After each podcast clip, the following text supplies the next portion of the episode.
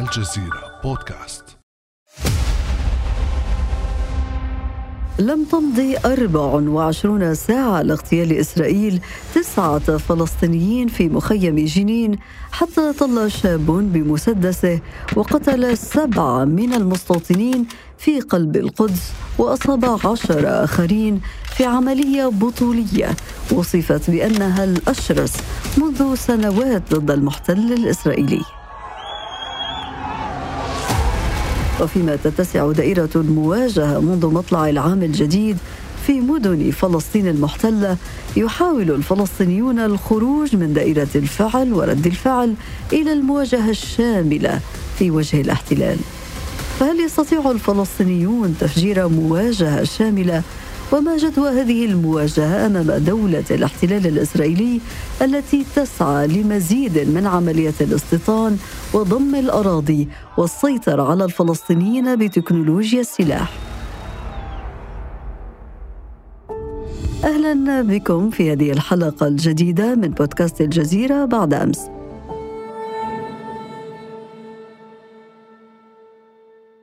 أصحابكم فيها أنا أمل العريسي مع ضيفي الكاتب والباحث الفلسطيني الأستاذ يوسف فارس. أهلا وسهلا بك أستاذ يوسف. تحياتي لك ولجميع السادة المستمعين آه، ولجمهور الجزيرة بودكاست خلال عام مضى استخدم الاحتلال الإسرائيلي القوى المفرطة تجاه مدن ومخيمات الضفة الغربية لإنهاء حالة المقاومة التي تصاعدت لكن العمليات الفلسطينية ما تزال مستمرة كيف تقرأ ذلك أستاذ يوسف؟ آه، منذ النكبة وطوال أكثر من سبعين عاما من الصراع تقلبت فيها عدة قيادات وطنية على الشعب الفلسطيني لم يحسن قادة الاحتلال أو لعلهم أحسنوا ولم يقبلوا على أنفسهم الإقرار بجوهر المشكلة. أن ثمة شعب محتل طرد من أرضه آه، قتل أجداده ويقتل أولاده في كل يوم وهو يرفض بشكل جذري وفطري مقايضة الحق التاريخي بتحرير البلاد بمكتسبات التنمية والرفاه التي يعطيها القادة الأمنيون والإسرائيليون على طريق تخدير حالة المواجهة والاشتباك. يعني إذا إذا حاولنا أن نتعمق في الفكر الإسرائيلي ثمة نظريتين اثنتين تعاملوا معها مع الفلسطينيين. تنطلق المؤسسة الأمنية الإسرائيلية في كيان الاحتلال آه، عبرهما في التعاطي آه، معنا. النظرية الأولى هي نظرية الاندماج الأقصى والنظرية الثانية هي الفصل الأحادي. ما المقصود بنظرية الاندماج الأقصى أستاذ يوسف؟ آه، بيت القصيد كما قلنا هي النظرية والنظرية المطبقة في الضفة الغربية منذ أكثر من 40 عام هي نظرية الاندماج الأقصى صاحبها هو موشي ديان وكان هذا الأخير يشبك كلتا يديه في التعبير عن قدر الانصهار المعيشي بين الفلسطينيين والاحتلال الذي يجب أن يتوفر للحد الذي يعتمد فيه الشعب الفلسطيني في مأكله ومشربه ومياهه وحتى شبكات الكهرباء والصرف الصحي على الوجود الإسرائيلي. يقود ذلك إلى أن يغرق الفلسطينيون في متطلبات العيش والحياة ويشعرون بالحاجة الملحة لوجود الاحتلال. حتى تصبح مقاومة الاحتلال بالنسبة للبعض هي مغامرة تقوض المشروع الوطني القائد الإسرائيلي الأكثر دهاء في دولة الاحتلال شمعون بيرز في كتاب الشرق الأوسط الجديد آه، قال عن هؤلاء سندفع الفلسطينيين لتبني استراتيجيات تخدم مشروعنا في الوقت الذي نشعرهم فيه أنهم يحققون انجازا وطنيا. هذه الاستراتيجيات لا يعبر عنها بشكل صارخ اليوم أكثر من السلطة الفلسطينية التي أضحت لا يتجاوز وصفها على ألسنة قادة الاحتلال خلال العامين الماضيين بأنها وكيل أمني سيء الخدمات وحتى لا أطيل. ما يحدث اليوم هو إعادة للصراع إلى طبيعته الفطرية إلى المربع رقم صفر. هناك احتلال اذا لابد من وجود مقاومة. مقاومة تستدعي تضحيات تصنع رموز وأيقونات. ينخرط مزيد من الشبان في فعل مقاوم. ولكن هذا لم يحدث لم تتحقق هذه النظرية الإسرائيلية نظرية الاندماج الأقصى. ظنت إسرائيل أنها قضت على تنامي حاله المقاومة ولكن اليوم نحن أمام جيل جديد جيل أكثر قوة هو الجيل الحالي. كيف سينعكس على المواجهة القادمة برأيك؟ نحن الآن أمام جيل لديه خصوصية كبيرة. وقوة هذا الجيل تكمن في أنه عايش 15 عاما من الاغتراب. وأعني بذلك أنه جيل ما بعد الانقسام وما بعد الانتفاضة الثانية. نشأ في مخيمات الضفة الغربية وفي مدنها ورغم حالة الفتور الوطني وحالة الرفاه التي صنعها الاحتلال ليدفع الفلسطينيين إلى الهموم الذاتية. نجا هذا الجيل من خطاب الكراهية الداخلي الذي أعقب الانقسام ونجا بنفسه وقيمه الوطنية والدينية من عمليات التدجين التي دفعت لأجلها المليارات على الصعيد الثقافي وعلى الصعيد المادي وعلى الصعيد الاجتماعي. آه، اليوم الذين يحملون الراية يعني من المهم أن نذكر أنهم لم يحظوا بمعايشة مفكري فصائل المقاومة وقادتها. لم يحظوا آه، بنشوة البدايات الحالمة والشعارات الكبيرة. يعني هؤلاء اليوم يعبرون النهر أو الوحل بدون أي تعبئة حزبية وتنظيمية. وهم بنوا أنفسهم وقناعاتهم الشخصية والقيادية بأنفسهم ولا فضل لأحد عليهم في ذلك لكن نجدهم الأكثر عنادا وصبرا وجلدا ليس في تحدي الصعاب وتقبل التضحيات فقط بل برفض الإغراءات والامتيازات التي يميل إليها الكل البشري بفطرته وهذا ما لم تستطع إسرائيل توقعه أستاذ يوسف، هل نحن اذا أمام جيل مقاوم غير قابل للتوقع بما أنك تحدثت عن أنه غير مهيكل، غير منظم ويعمل من منطلق أنه آه، يعيش حالة مقاومة لم تستطع إسرائيل أن تعد لها العدة؟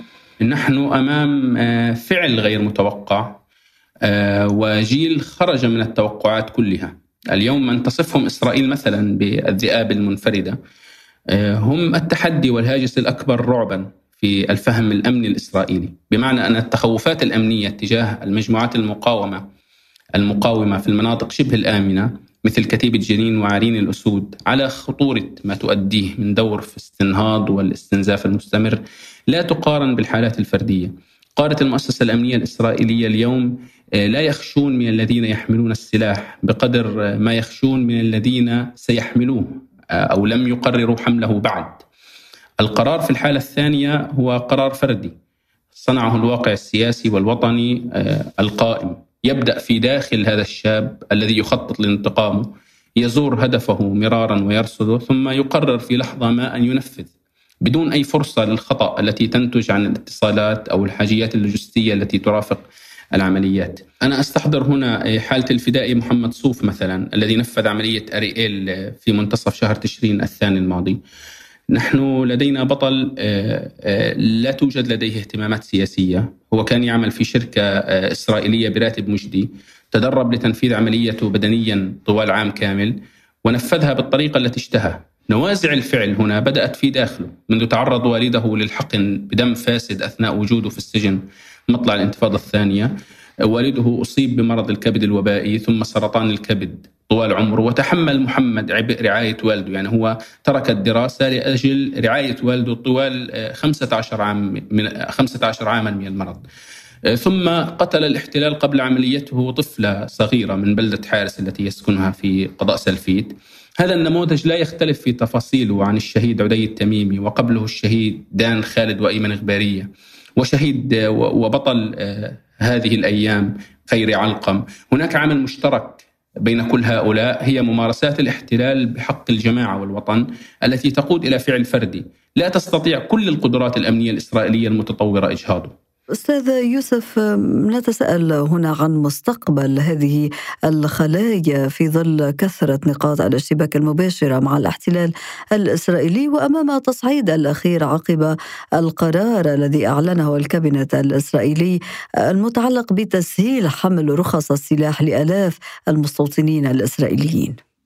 آه طبعا على اعتبار أن خديعة التشدد في منح تصاريح آه، تراخيص حمل السلاح للمستوطنين ستنطلي علينا. هذه تصريحات مضللة لا تعكس آه، الواقع في كيان الاحتلال الذي هو غابه من السلاح. إسرائيل بخلاف الطبيعة الحضارية لهذا الكون هي جيش أنشأ لنفسه دولة وليس شعب صنع جيشا ليحميه. كل سكانها هم جنود احتياط المتدينون فيها أكثرهم يمتلكون مهمة وحيدة في حياتهم هو هي تفريخ التطرف وتقديم الفتاوى التي تشجع على القتل والعنف والإرهاب. هذه دولة تكرم المستوطنين الذين يقتلون المدنيين. لذا فإن القرار الإسرائيلي لن يغير من الواقع أي شيء يعني يعني هذه هذه محاولة لصناعة نوع من الوقاية الظرفية يعني لكي يقوضوا إمكانية أن يتوجه أحد إلى فعل على اعتبار أن كل إسرائيل بين هلالين مستعدة وهي بانتظاره. وهي محاولة أيضا لاسترضاء واحتواء الغضب الداخلي بعد عمليتي القدس ولكن ستقود بكل تأكيد إلى نقل المواجهة بشكل أوضح من. وبشكل أبعد من الشكل المنظم أي دولة تواجه شعبا إلى جيش ودولة وشعب مسلح يواجه شعب وشعب. وهذا تصعيد يرى المتابعون أستاذ يوسف بأنه متعمد بهدف الاتجاه نحو ضم الضفة الغربية في ظل الحكومة اليمينية المتطرفة الموجودة حاليا. نعم هو الحقيقة هو يمكن أن يأتي في هذا الإطار لأن المتحكم باللعبة منذ أكثر من 40 عام هم الإسرائيليون. يعني منذ أنشئت السلطة عام 1994 الوحيد الذي قرر المواجهة وقرر تغيير الواقع الذي الذي تبع بناء هذه السلطة هو الراحل ياسر عرفات ودفع حياته ثمنا لذلك. في ثنائية السلطة والاحتلال السلطة منذ نهاية الانتفاضة الثانية عام 2005 لم تواجه بشكل فعلي أي من قرارات الاحتلال وخطواته، حتى هامش التوجه إلى محكمة الجنايات الدولية والأمم المتحدة هي رفاهية غير مسموح بها لقاده السلطة وفق فهم الحكومات الإسرائيلية المتعاقبة. ولعل المثير للضحك والبكاء في آن واحدة. أن السلطة تمتلك ورقة قوة واحدة هي أن تحل نفسها وتترك للاسرائيلي يغرق في بحر الضفة. وهذا القرار المصيري يتعارض بشكل جذري وكلي مع مصالح شخصية وطبقية لمكون شعبي ورسمي كبير ارتبطت مصالحه الوجودية ببقاء الاحتلال بكل أسف. لذا الجدل حول الخيارات أو أو أو ماذا يمكن أن نفعل أمام المخطط الإسرائيلي يجب أن تترك يعني الكل الفلسطيني اليوم بيده بيده ورقة واحدة وهو أن يطالب وفق استراتيجية كاملة بهدم هذا المعبد على ساكنيه يعني بيده أن يلتفت جيدا إلى كيان يبلع مستقبله وحاضره ويعود إلى إلى خطاب غسان كنفاني ما تبقى لكم يعني يعني لا شيء من شأنه أن يواجه الكباش الإسرائيلي سوى حرمانه من امتياز الهدوء والاستقرار، هذا الذي يقود مخطط ضم الضفة وكل المخططات الاستيطانية. يعني المحافظة على حالة الاشتعال والمواجهة بكل مستوياتها يعني محمود درويش قال في قصيدة مديح الظل العالي حريتي فوضاي إني أعترف. السكوت والهدوء والنظام في هذه المرحلة هو إقرار بالعجز وموافقة جمعية على تمرير الحلقة الأخيرة من مخطط الضم وتعميم السلطة والسيطرة وقضم الثوابت. نعم وهذا هو تحدي أن تبقى هذه الأوضاع مشتعلة. هنا الاحتلال يريد أن يمتص المواجهة الحالية للحيلولة دون تفجر انتفاضة. وتاريخيا كل فترة زمنية فلسطينيا تقترب من 13 عاما أو أكثر تقريبا يحدث هناك انفجار طبيعي بسبب هذا التصعيد الإسرائيلي. فبرأيك هل سياسة إسرائيل المتعة متعمده لتفجير الأوضاع والتي تهدف أساسا للقضاء على هذه الخلايا من شأنها أن تطفئ هذه الشعلة شعلة الانتفاضة المرتقبة؟ الإسرائيلي وجد نفسه أمام واقع ميداني متصاعد ومتنامي. هو يتبع منذ عام ونصف استراتيجية القضم وينفذ عمليات جراحية. هذه العمليات تحقق له مكتسبات آنية مثل اغتيال مفاصل العمل المقاوم أو القادة الفاعلون. أو الشخصيات الملهمة والمؤثرة وهذه الاغتيالات قد تعيق بكل تأكيد وتيره تصاعد الفعل المقاوم لكنها لا تحقق له إمكانية الاجتثاث الكلي. يعني أنا أعتقد أن المؤسسة الأمنية الإسرائيلية تسير اليوم على حدي السكين يعني بعد اغتيال إبراهيم النابلسي ووديع الحوح مثلا وجدت أن من الأفضل اعتقال الشبان لا اغتيالهم. لأن مقتلهم يعني على ذلك النحو البطولي والوصايا التي تركوها أثار مشاعر الحماسة ومدد الحالات القتالية. لكن وجدت نفسها أمام مشكلة أن هؤلاء الأبطال لا يوفرون على الأغلب للاحتلال خيارات الاستسلام يعني هم لا يستسلمون. حد السكين الثاني هو هو أن تنفيذ عملية اجتياح كاملة للضفة. إن لم تقد إلى سقوط السلطة فإنها ستؤدي إلى تقويض مكتسبات يعني 15 عاما من الاستثمار في إعادة بناء الأجهزة الأمنية على نحو مهني حتى أصبحت وكأنها تشبه الشركات الأمنية الخاصة. يعني إنتاج هذا النوع من الجندي المنسلخ عن هموم وطنه وشعبه هو مكتسب مهم. آه، آه، ويمكن أن تقود عملية آه، أمنية شاملة إلى إعادة إنتاج سيناريو العام 2000 يعني بأن يتحول قادة الأجهزة الأمنية إلى قادة في العمل المقاوم.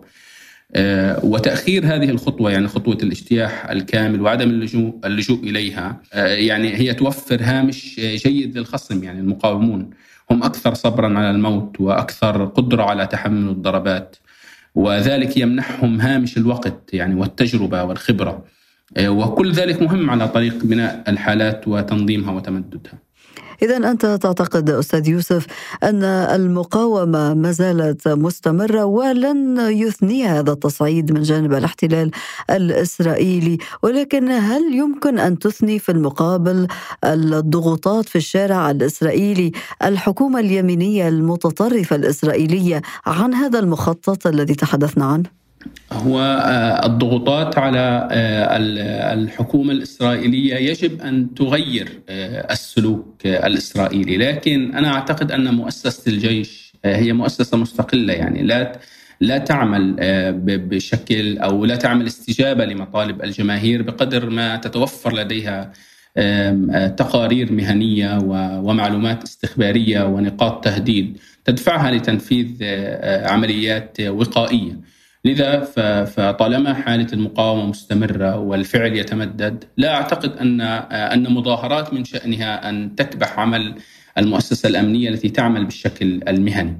يعني يمكن أن أن يؤثر في يمكن أن تؤثر التظاهرات في تطلعات بن كفير مثلا في في الأعمال الاستفزازية في المسجد الأقصى. لكن أن أن توقف عملية عسكرية أن توقف اجتياح أو مداهمة لا أعتقد ذلك. في هذه الحالة أستاذ يوسف ما هي تحديات وفرص المواجهة الشاملة اليوم؟ آه، المواجهة الشاملة نحن على أعتابها ولكن كما أسلفت في إجابتي للسؤال السابق آه، هناك محاذير كبيرة آه، التوجه إلى المواجهة الشاملة هو إيمان وإذعان وإقرار بأن آه، بأن 15 عاما من الفعل والاستثمار في الانقسام الداخلي الفلسطيني ذهبت أدراج الرياح. بمعنى أن هذا الانقسام وحالة آه، تفسخ النسيج الاجتماعي صنع لدى السلطة آه، عدوا تستطيع أن ترفعه وتقدم تقدمه هو المبرر لكل خطواتها الأمنية وهو حركة حماس خصمها التقليدي. الآن آه، إذا قررت إسرائيل أن تتجه إلى المواجهة الشاملة بمعنى اجتياح الضفة بشكل آه، كامل هي اليوم تجعل من نفسها خصم خصما وعدوا لمكون استطاع التحييد. يعني في داخل المؤسسة الأمنية خلال عام ونصف آه، برز وعدة شهداء وعدة مقاومون من داخل الأجهزة الأمنية. دفع هؤلاء إلى شن عمليات تتبع وتحري استخبارية كبيرة قادت إلى اعتقال العشرات منهم. الآن آه، في اليوم الذي تتجه فيه إسرائيل بين هلالين إلى المواجهة الشاملة في الضفة وتجتاح آه، شمال الضفة ووسطها وجنوبها هي تقامر بأمرين آه، تقامر بأنها ستجند الشارع بكل مكوناته في مواجهتها وستقامر بمستقبل السلطة الآن السلطة آه، من وجهة النظر الإسرائيلية هي الغطاء هي إبرة البنج التي توفر الهامش رفاهية الزمن لتمدد المشروع الاستيطاني آه، الذي يعمل بشكل بطيء ومتدرج كي لا يثير رايا عالميا وكي لا يقود إلى إلى مواجهة تعرقل مساعيه خصوصا أن هناك رأي عام دولي وقرارات دولية بالطبع إسرائيل لا تخرجها من حساباتها. آه، لذا فإن فرص المواجهة الشاملة حاضرة ولكن ثمة عدة كوابح آه، تمنعها. أنا أعتقد أن القادة الإسرائيليون والمؤسسة الأمنية الإسرائيلية آه، ستعمل بكل ما لديها لإبعاد شبح المواجهة عنها. الكاتب والباحث الفلسطيني الأستاذ يوسف فارس شكرا جزيلا لك. شكرا شكرا لكم. كان هذا بعد أمس.